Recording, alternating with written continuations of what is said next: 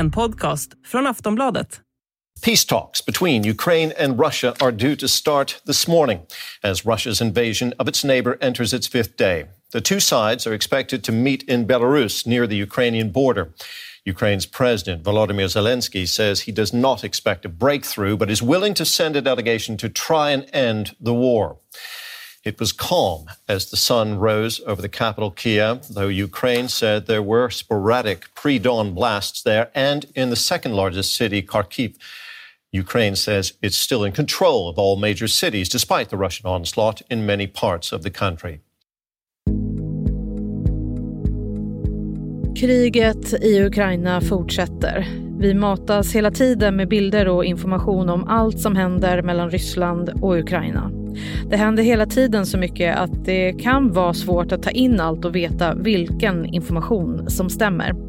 Du kan hela tiden hålla dig uppdaterad på Aftonbladets sajt om allt det senaste. Så hur är det i Ukraina? Vi har skickat dit vårt team. Aftonbladets reporter Nivette Wood och fotograf Jerker Ivarsson. De befinner sig i Lviv som ligger i västra Ukraina. Under de dagar som de har varit där så har flyglarmet gått vid flera tillfällen och de har behövt söka skydd i skyddsrum. Attention please for all employees and guests. Our administration would like to inform you that a fire has started in the building. Of that reason, please go to the ground floor and from there leave the building. Увага, шановні працівники та гості! Адміністрація повідомляє, що в приміщенні виникла пожежа. Просимо вас, зберігаючи спокій, спуститися по сходових клітках на перший поверх. Ja, det här är alltså eh, larmet som säger att vi måste ner i ett skyddsrum nu. Som ni hör så är det också brandlarmet. Men eh, det är tydligt att vi ska springa ner i ett skyddsrum nu. Så det kommer vi göra. Så, hur är stämningen i Ukraina? Vad säger invånarna om kriget, om Putin och om omvärldens reaktioner? Vad gör folket? Går de till jobbet som vanligt? Och hur ser det ut med mat, bensin och förnödenheter? I det här avsnittet så pratar vi om läget i Ukraina just nu. Det här är Aftonbladet Daily med mig, Jenny Ågren. Och jag har ringt upp Nivetta Wood som får börja med att berätta om hur läget är. Jag eh, mår bra.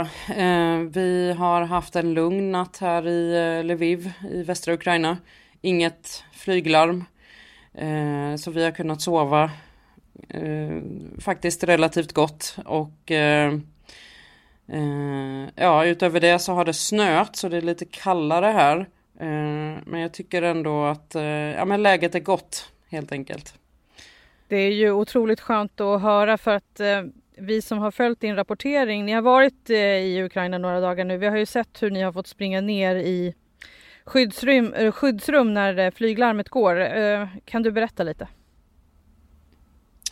Ja, precis. Ehm, det har ju skett ett par gånger om dagen, vissa dagar i alla fall, att det går ett larm, ett flyglarm som helt enkelt varnar för eventuella förestående attacker.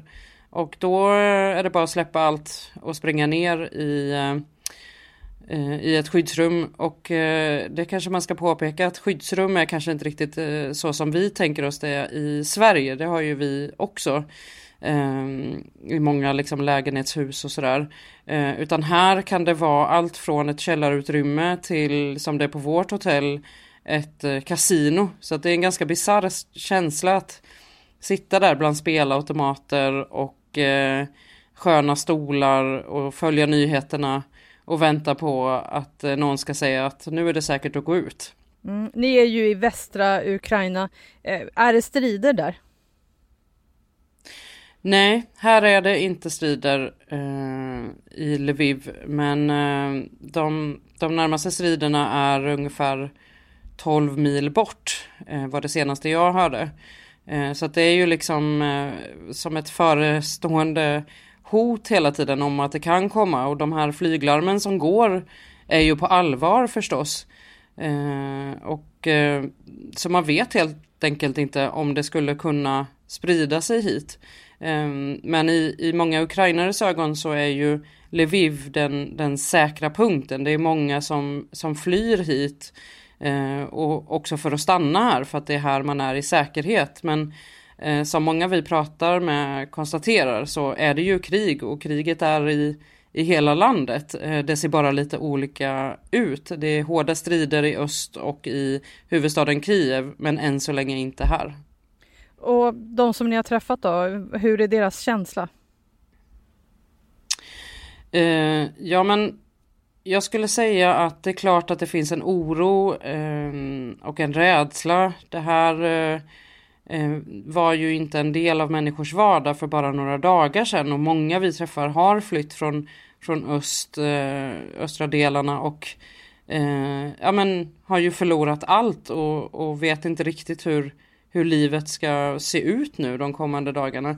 Men det finns samtidigt också en, eh, en, en samlad känsla av eh, att nu ska vi göra allt för att vår militär ska segra.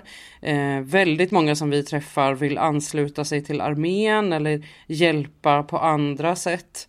Eh, de som inte eh, har vapen säger att de eh, ska hjälpa flyktingar ehm, på, ja, på det sättet de kan, om det är att köra dem till flyktingmottagningar, om det är att laga mat eller eh, med liksom medicinsk hjälp. Det är väldigt många som, som eh, ställer om och vill göra allt de kan för att det ska bli fred i landet. Och hur pratar de om sin president och ledningen och hur tycker man att eh, de agerar? Ja, man ska komma ihåg att eh, just eh, Lviv är liksom eh, en, ett, ett centrum för motstånd mot Ryssland. Så i den här stan så har i alla fall väldigt många som jag har pratat med varit för ledningen, för militären och det, det är någonting som har ökat så vitt jag har förstått det. Man har såklart haft lite delade meningar tidigare om eh, ja, men, eh, både styret och, och, militären men nu är det som att väldigt många har liksom eh, bytt åsikt när det har blivit skarpt läge och stöttar eh, trupper och, och, stöttar presidenten Zelensky eh, och, och, vill förstås att det, att det ska bli fred men är också redo att, att strida om det skulle behövas. Och hur är deras känslor mot Ryssland och Putin? Ja men de är förstås väldigt starka. Eh, jag har hittills inte träffat någon som tycker att det som Ryssland och Vladimir Putin har startat är bra. Det finns säkerligen en och annan som är pro-ryss fortfarande men den, den samlade känslan här är ju definitivt att man eh, att man har en avsky mot den ryska invasionen och och det ryska våldet mot människor i Ukraina. Eh, och jag tycker också att det är väldigt intressant när vi presenterar oss och säger att vi är från Sverige och att vi kommer från svensk media så, så eh, bemöts vi av eh, väldigt liksom glada miner och, och eh, folk tackar för det svenska stödet. Eh, även innan det här unika beslutet om att Sverige ska skicka försvarsmateriel så, eh, så upplevde i alla fall jag att väldigt många ukrainare eh, var glada för att, eh, att Sverige är liksom en allierad och en vän som många har beskrivit det. Ja, för det var det jag funderade lite på. Finns det liksom en förväntan och förhoppning hos befolkningen att andra länder ska rycka in med militära styrkor och annan typ av hjälp? Ja, absolut. Eh, många som som vi har intervjuat pratar om att det här kriget är inte bara Ukrainas krig utan det är allas krig och eh, de kom först eh, för oss men ni ska veta att eh, om, de, om de tar Ukraina så är det ni i Europa som står näst på tur. Eh, och att det här är allas strid eh, är det väldigt många som, som upprepar. Liksom. Och sen, sen undrar man ju så här, jag såg eh, bilder eh, från ett av era inslag i, i helgen där du står på en gata och rapporterar hem och det ser ut precis som vilken gata i, i, till, i en svensk stad som helst med parkerade bilar och no, någon människa som går omkring bakom. Vad gör folk som är kvar nu? Går de till jobbet precis som vanligt? Ja, det kan man fråga sig. Det, det är ju det här som är eh, också en del av krig. Eh, vi ser ju ofta i, eh, på medier att det är hårda strider och människor som gömmer sig i skyddsrum och det är ju förstås en del. Eh, men det här är också en del att man försöker få vardagen att, att fortsätta ungefär som vanligt. Um, så vitt jag har förstått så är det väldigt många arbetsplatser som har stängt. Uh, dels för att de vill att uh, deras anställda ska kunna vara, uh, ta sig i, till skydd och vara med sina familjer om någonting händer. Ehm, dels för att man inte vill äventyra eh, andras säkerhet genom att liksom ta sig till arbetsplatsen som sagt om någonting skulle hända. Så att eh, på ett sätt så, så är det en relativt normal vardag men det är ju samtidigt så att flyglarmet kan gå när som helst, att man får släppa allting, springa ner till skyddsrum. Eh, vi märker att det är väldigt många som eh, tar ut stora summor pengar, eh, bunkrar mat och vatten och bränsle ifall det är så att man snabbt måste ta sig härifrån om, om kriget eh, kommer på allvar hit till Lviv. Så att det, det är liksom två sidor som pågår samtidigt. Vi ser människor som dricker öl eh, och liksom skrattar och, och, och trots allt försöker leva som vanligt och sen så minuterna senare så går flyglarmet och eh, människor gråter och eh, måste liksom gömma sig i skyddsrum i ja, och vet inte hur länge helt enkelt. Och för det var det jag funderade också över lite här. Hur är det med tillgången till mat och bensin och förnödenheter nu? Uh, det finns en tillgång fortfarande men det märks hela tiden att den börjar bli uh, skral. Um, alltså det finns eh, mat i matbutikerna men fler och fler hyllor börjar gapa tomma. Eh, vi fick eh, gå till ett antal bankomater igår eh, innan vi möttes av en som inte hade stängt eftersom pengarna var slut. Eh, och det är om jag har förstått det rätt också begränsning på hur mycket pengar man får ta ut. Eh, samma sak med bensin eh, och bränsle. Det finns men eh, det börjar bli skralt. Man får liksom tecken hela tiden på att eh, det kan vara bra att handla nu eh, för att man vet inte om, eh, om affärer eller liknande stänger. Och många affärer har faktiskt redan stängt ska sägas. Ehm, och, och det här är ju situationen i Lviv, eh, om man bara tittar på till exempel huvudstaden Kiev där det har varit utegångsförbud i väldigt många timmar så är det ju förstås ännu värre där. Sen, ni vet hur är det att jobba på plats eh, under de här förhållandena som gäller? För det, är också så här svårt att få tag i rätt information. Det är, verkar ju rätt osäkert, alltså båda sidorna säger si och andra säger så. Och hur är det, vet ni vart ni kan åka, vad som är säkert eller inte? Det här är ju någonting som vi jobbar med hela tiden. Vi är ju säkerhetsutbildade eh, och är vana att jobba i den här typen av konfliktområden. Men det är jättesvårt. Det är ett ständigt arbete som, som, eh, som man måste sköta hela tiden. Eh, vi gör eh, säkerhetsbedömningar hela tiden och riskbedömningar eh, Eh, inför i princip eh, varje steg vi tar.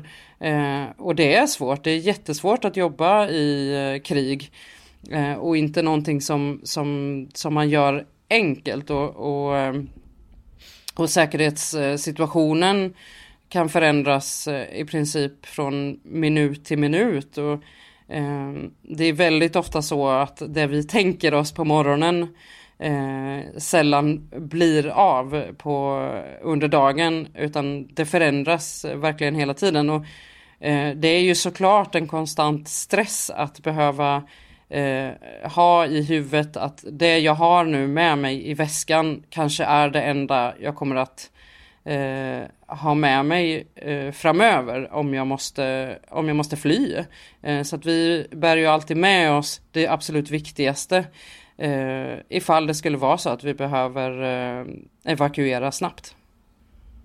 Det har pratats eh, en del nu om att det inte riktigt går som eh, Vladimir Putin vill att det ska, att det ska gå. Att det är, eh, han bemöts av mycket hårdare strider än vad han kanske hade planerat. Hur är det med befolkningen? Finns det ett hopp hos dem eller vad tror de kommer hända den närmaste tiden? Jag tycker ändå att de, många av de som vi möter eh, visar eh, en strimma av hopp.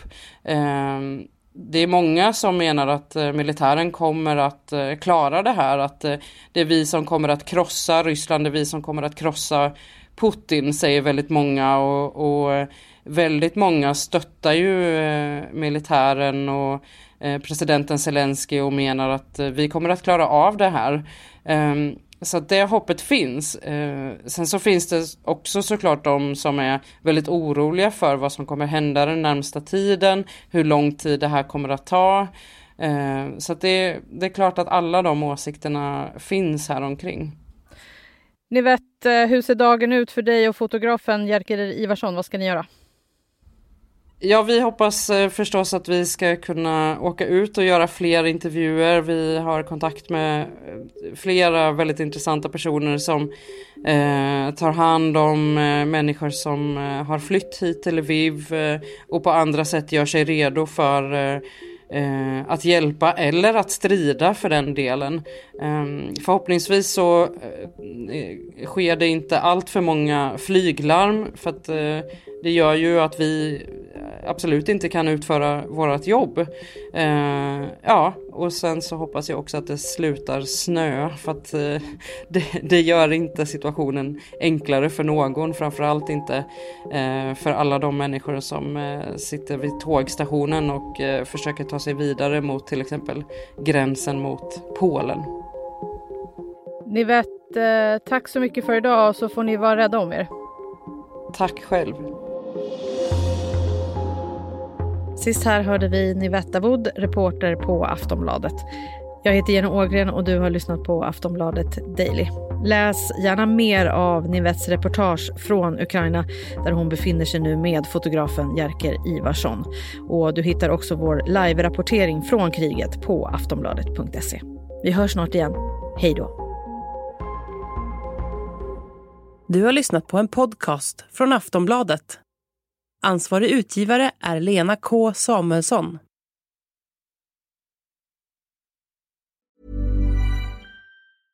Ryan Reynolds här från Mint Mobile. Med priset på nästan allt som går upp under inflationen, trodde vi att vi skulle bring våra priser down. So to help us, we brought in a reverse auctioneer, which is apparently a thing. Mint Mobile unlimited premium wireless. Ready to get 30, 30, bit to get 30, bit to get 20, 20, 20, bit to get 20, 20, bit to get 15, 15, 15, 15 just 15 bucks a month. So, Give it a try at mintmobile.com/switch. slash $45 up front for 3 months plus taxes and fees. Promo for new customers for limited time. Unlimited more than 40 gigabytes per month slows. Full terms at mintmobile.com.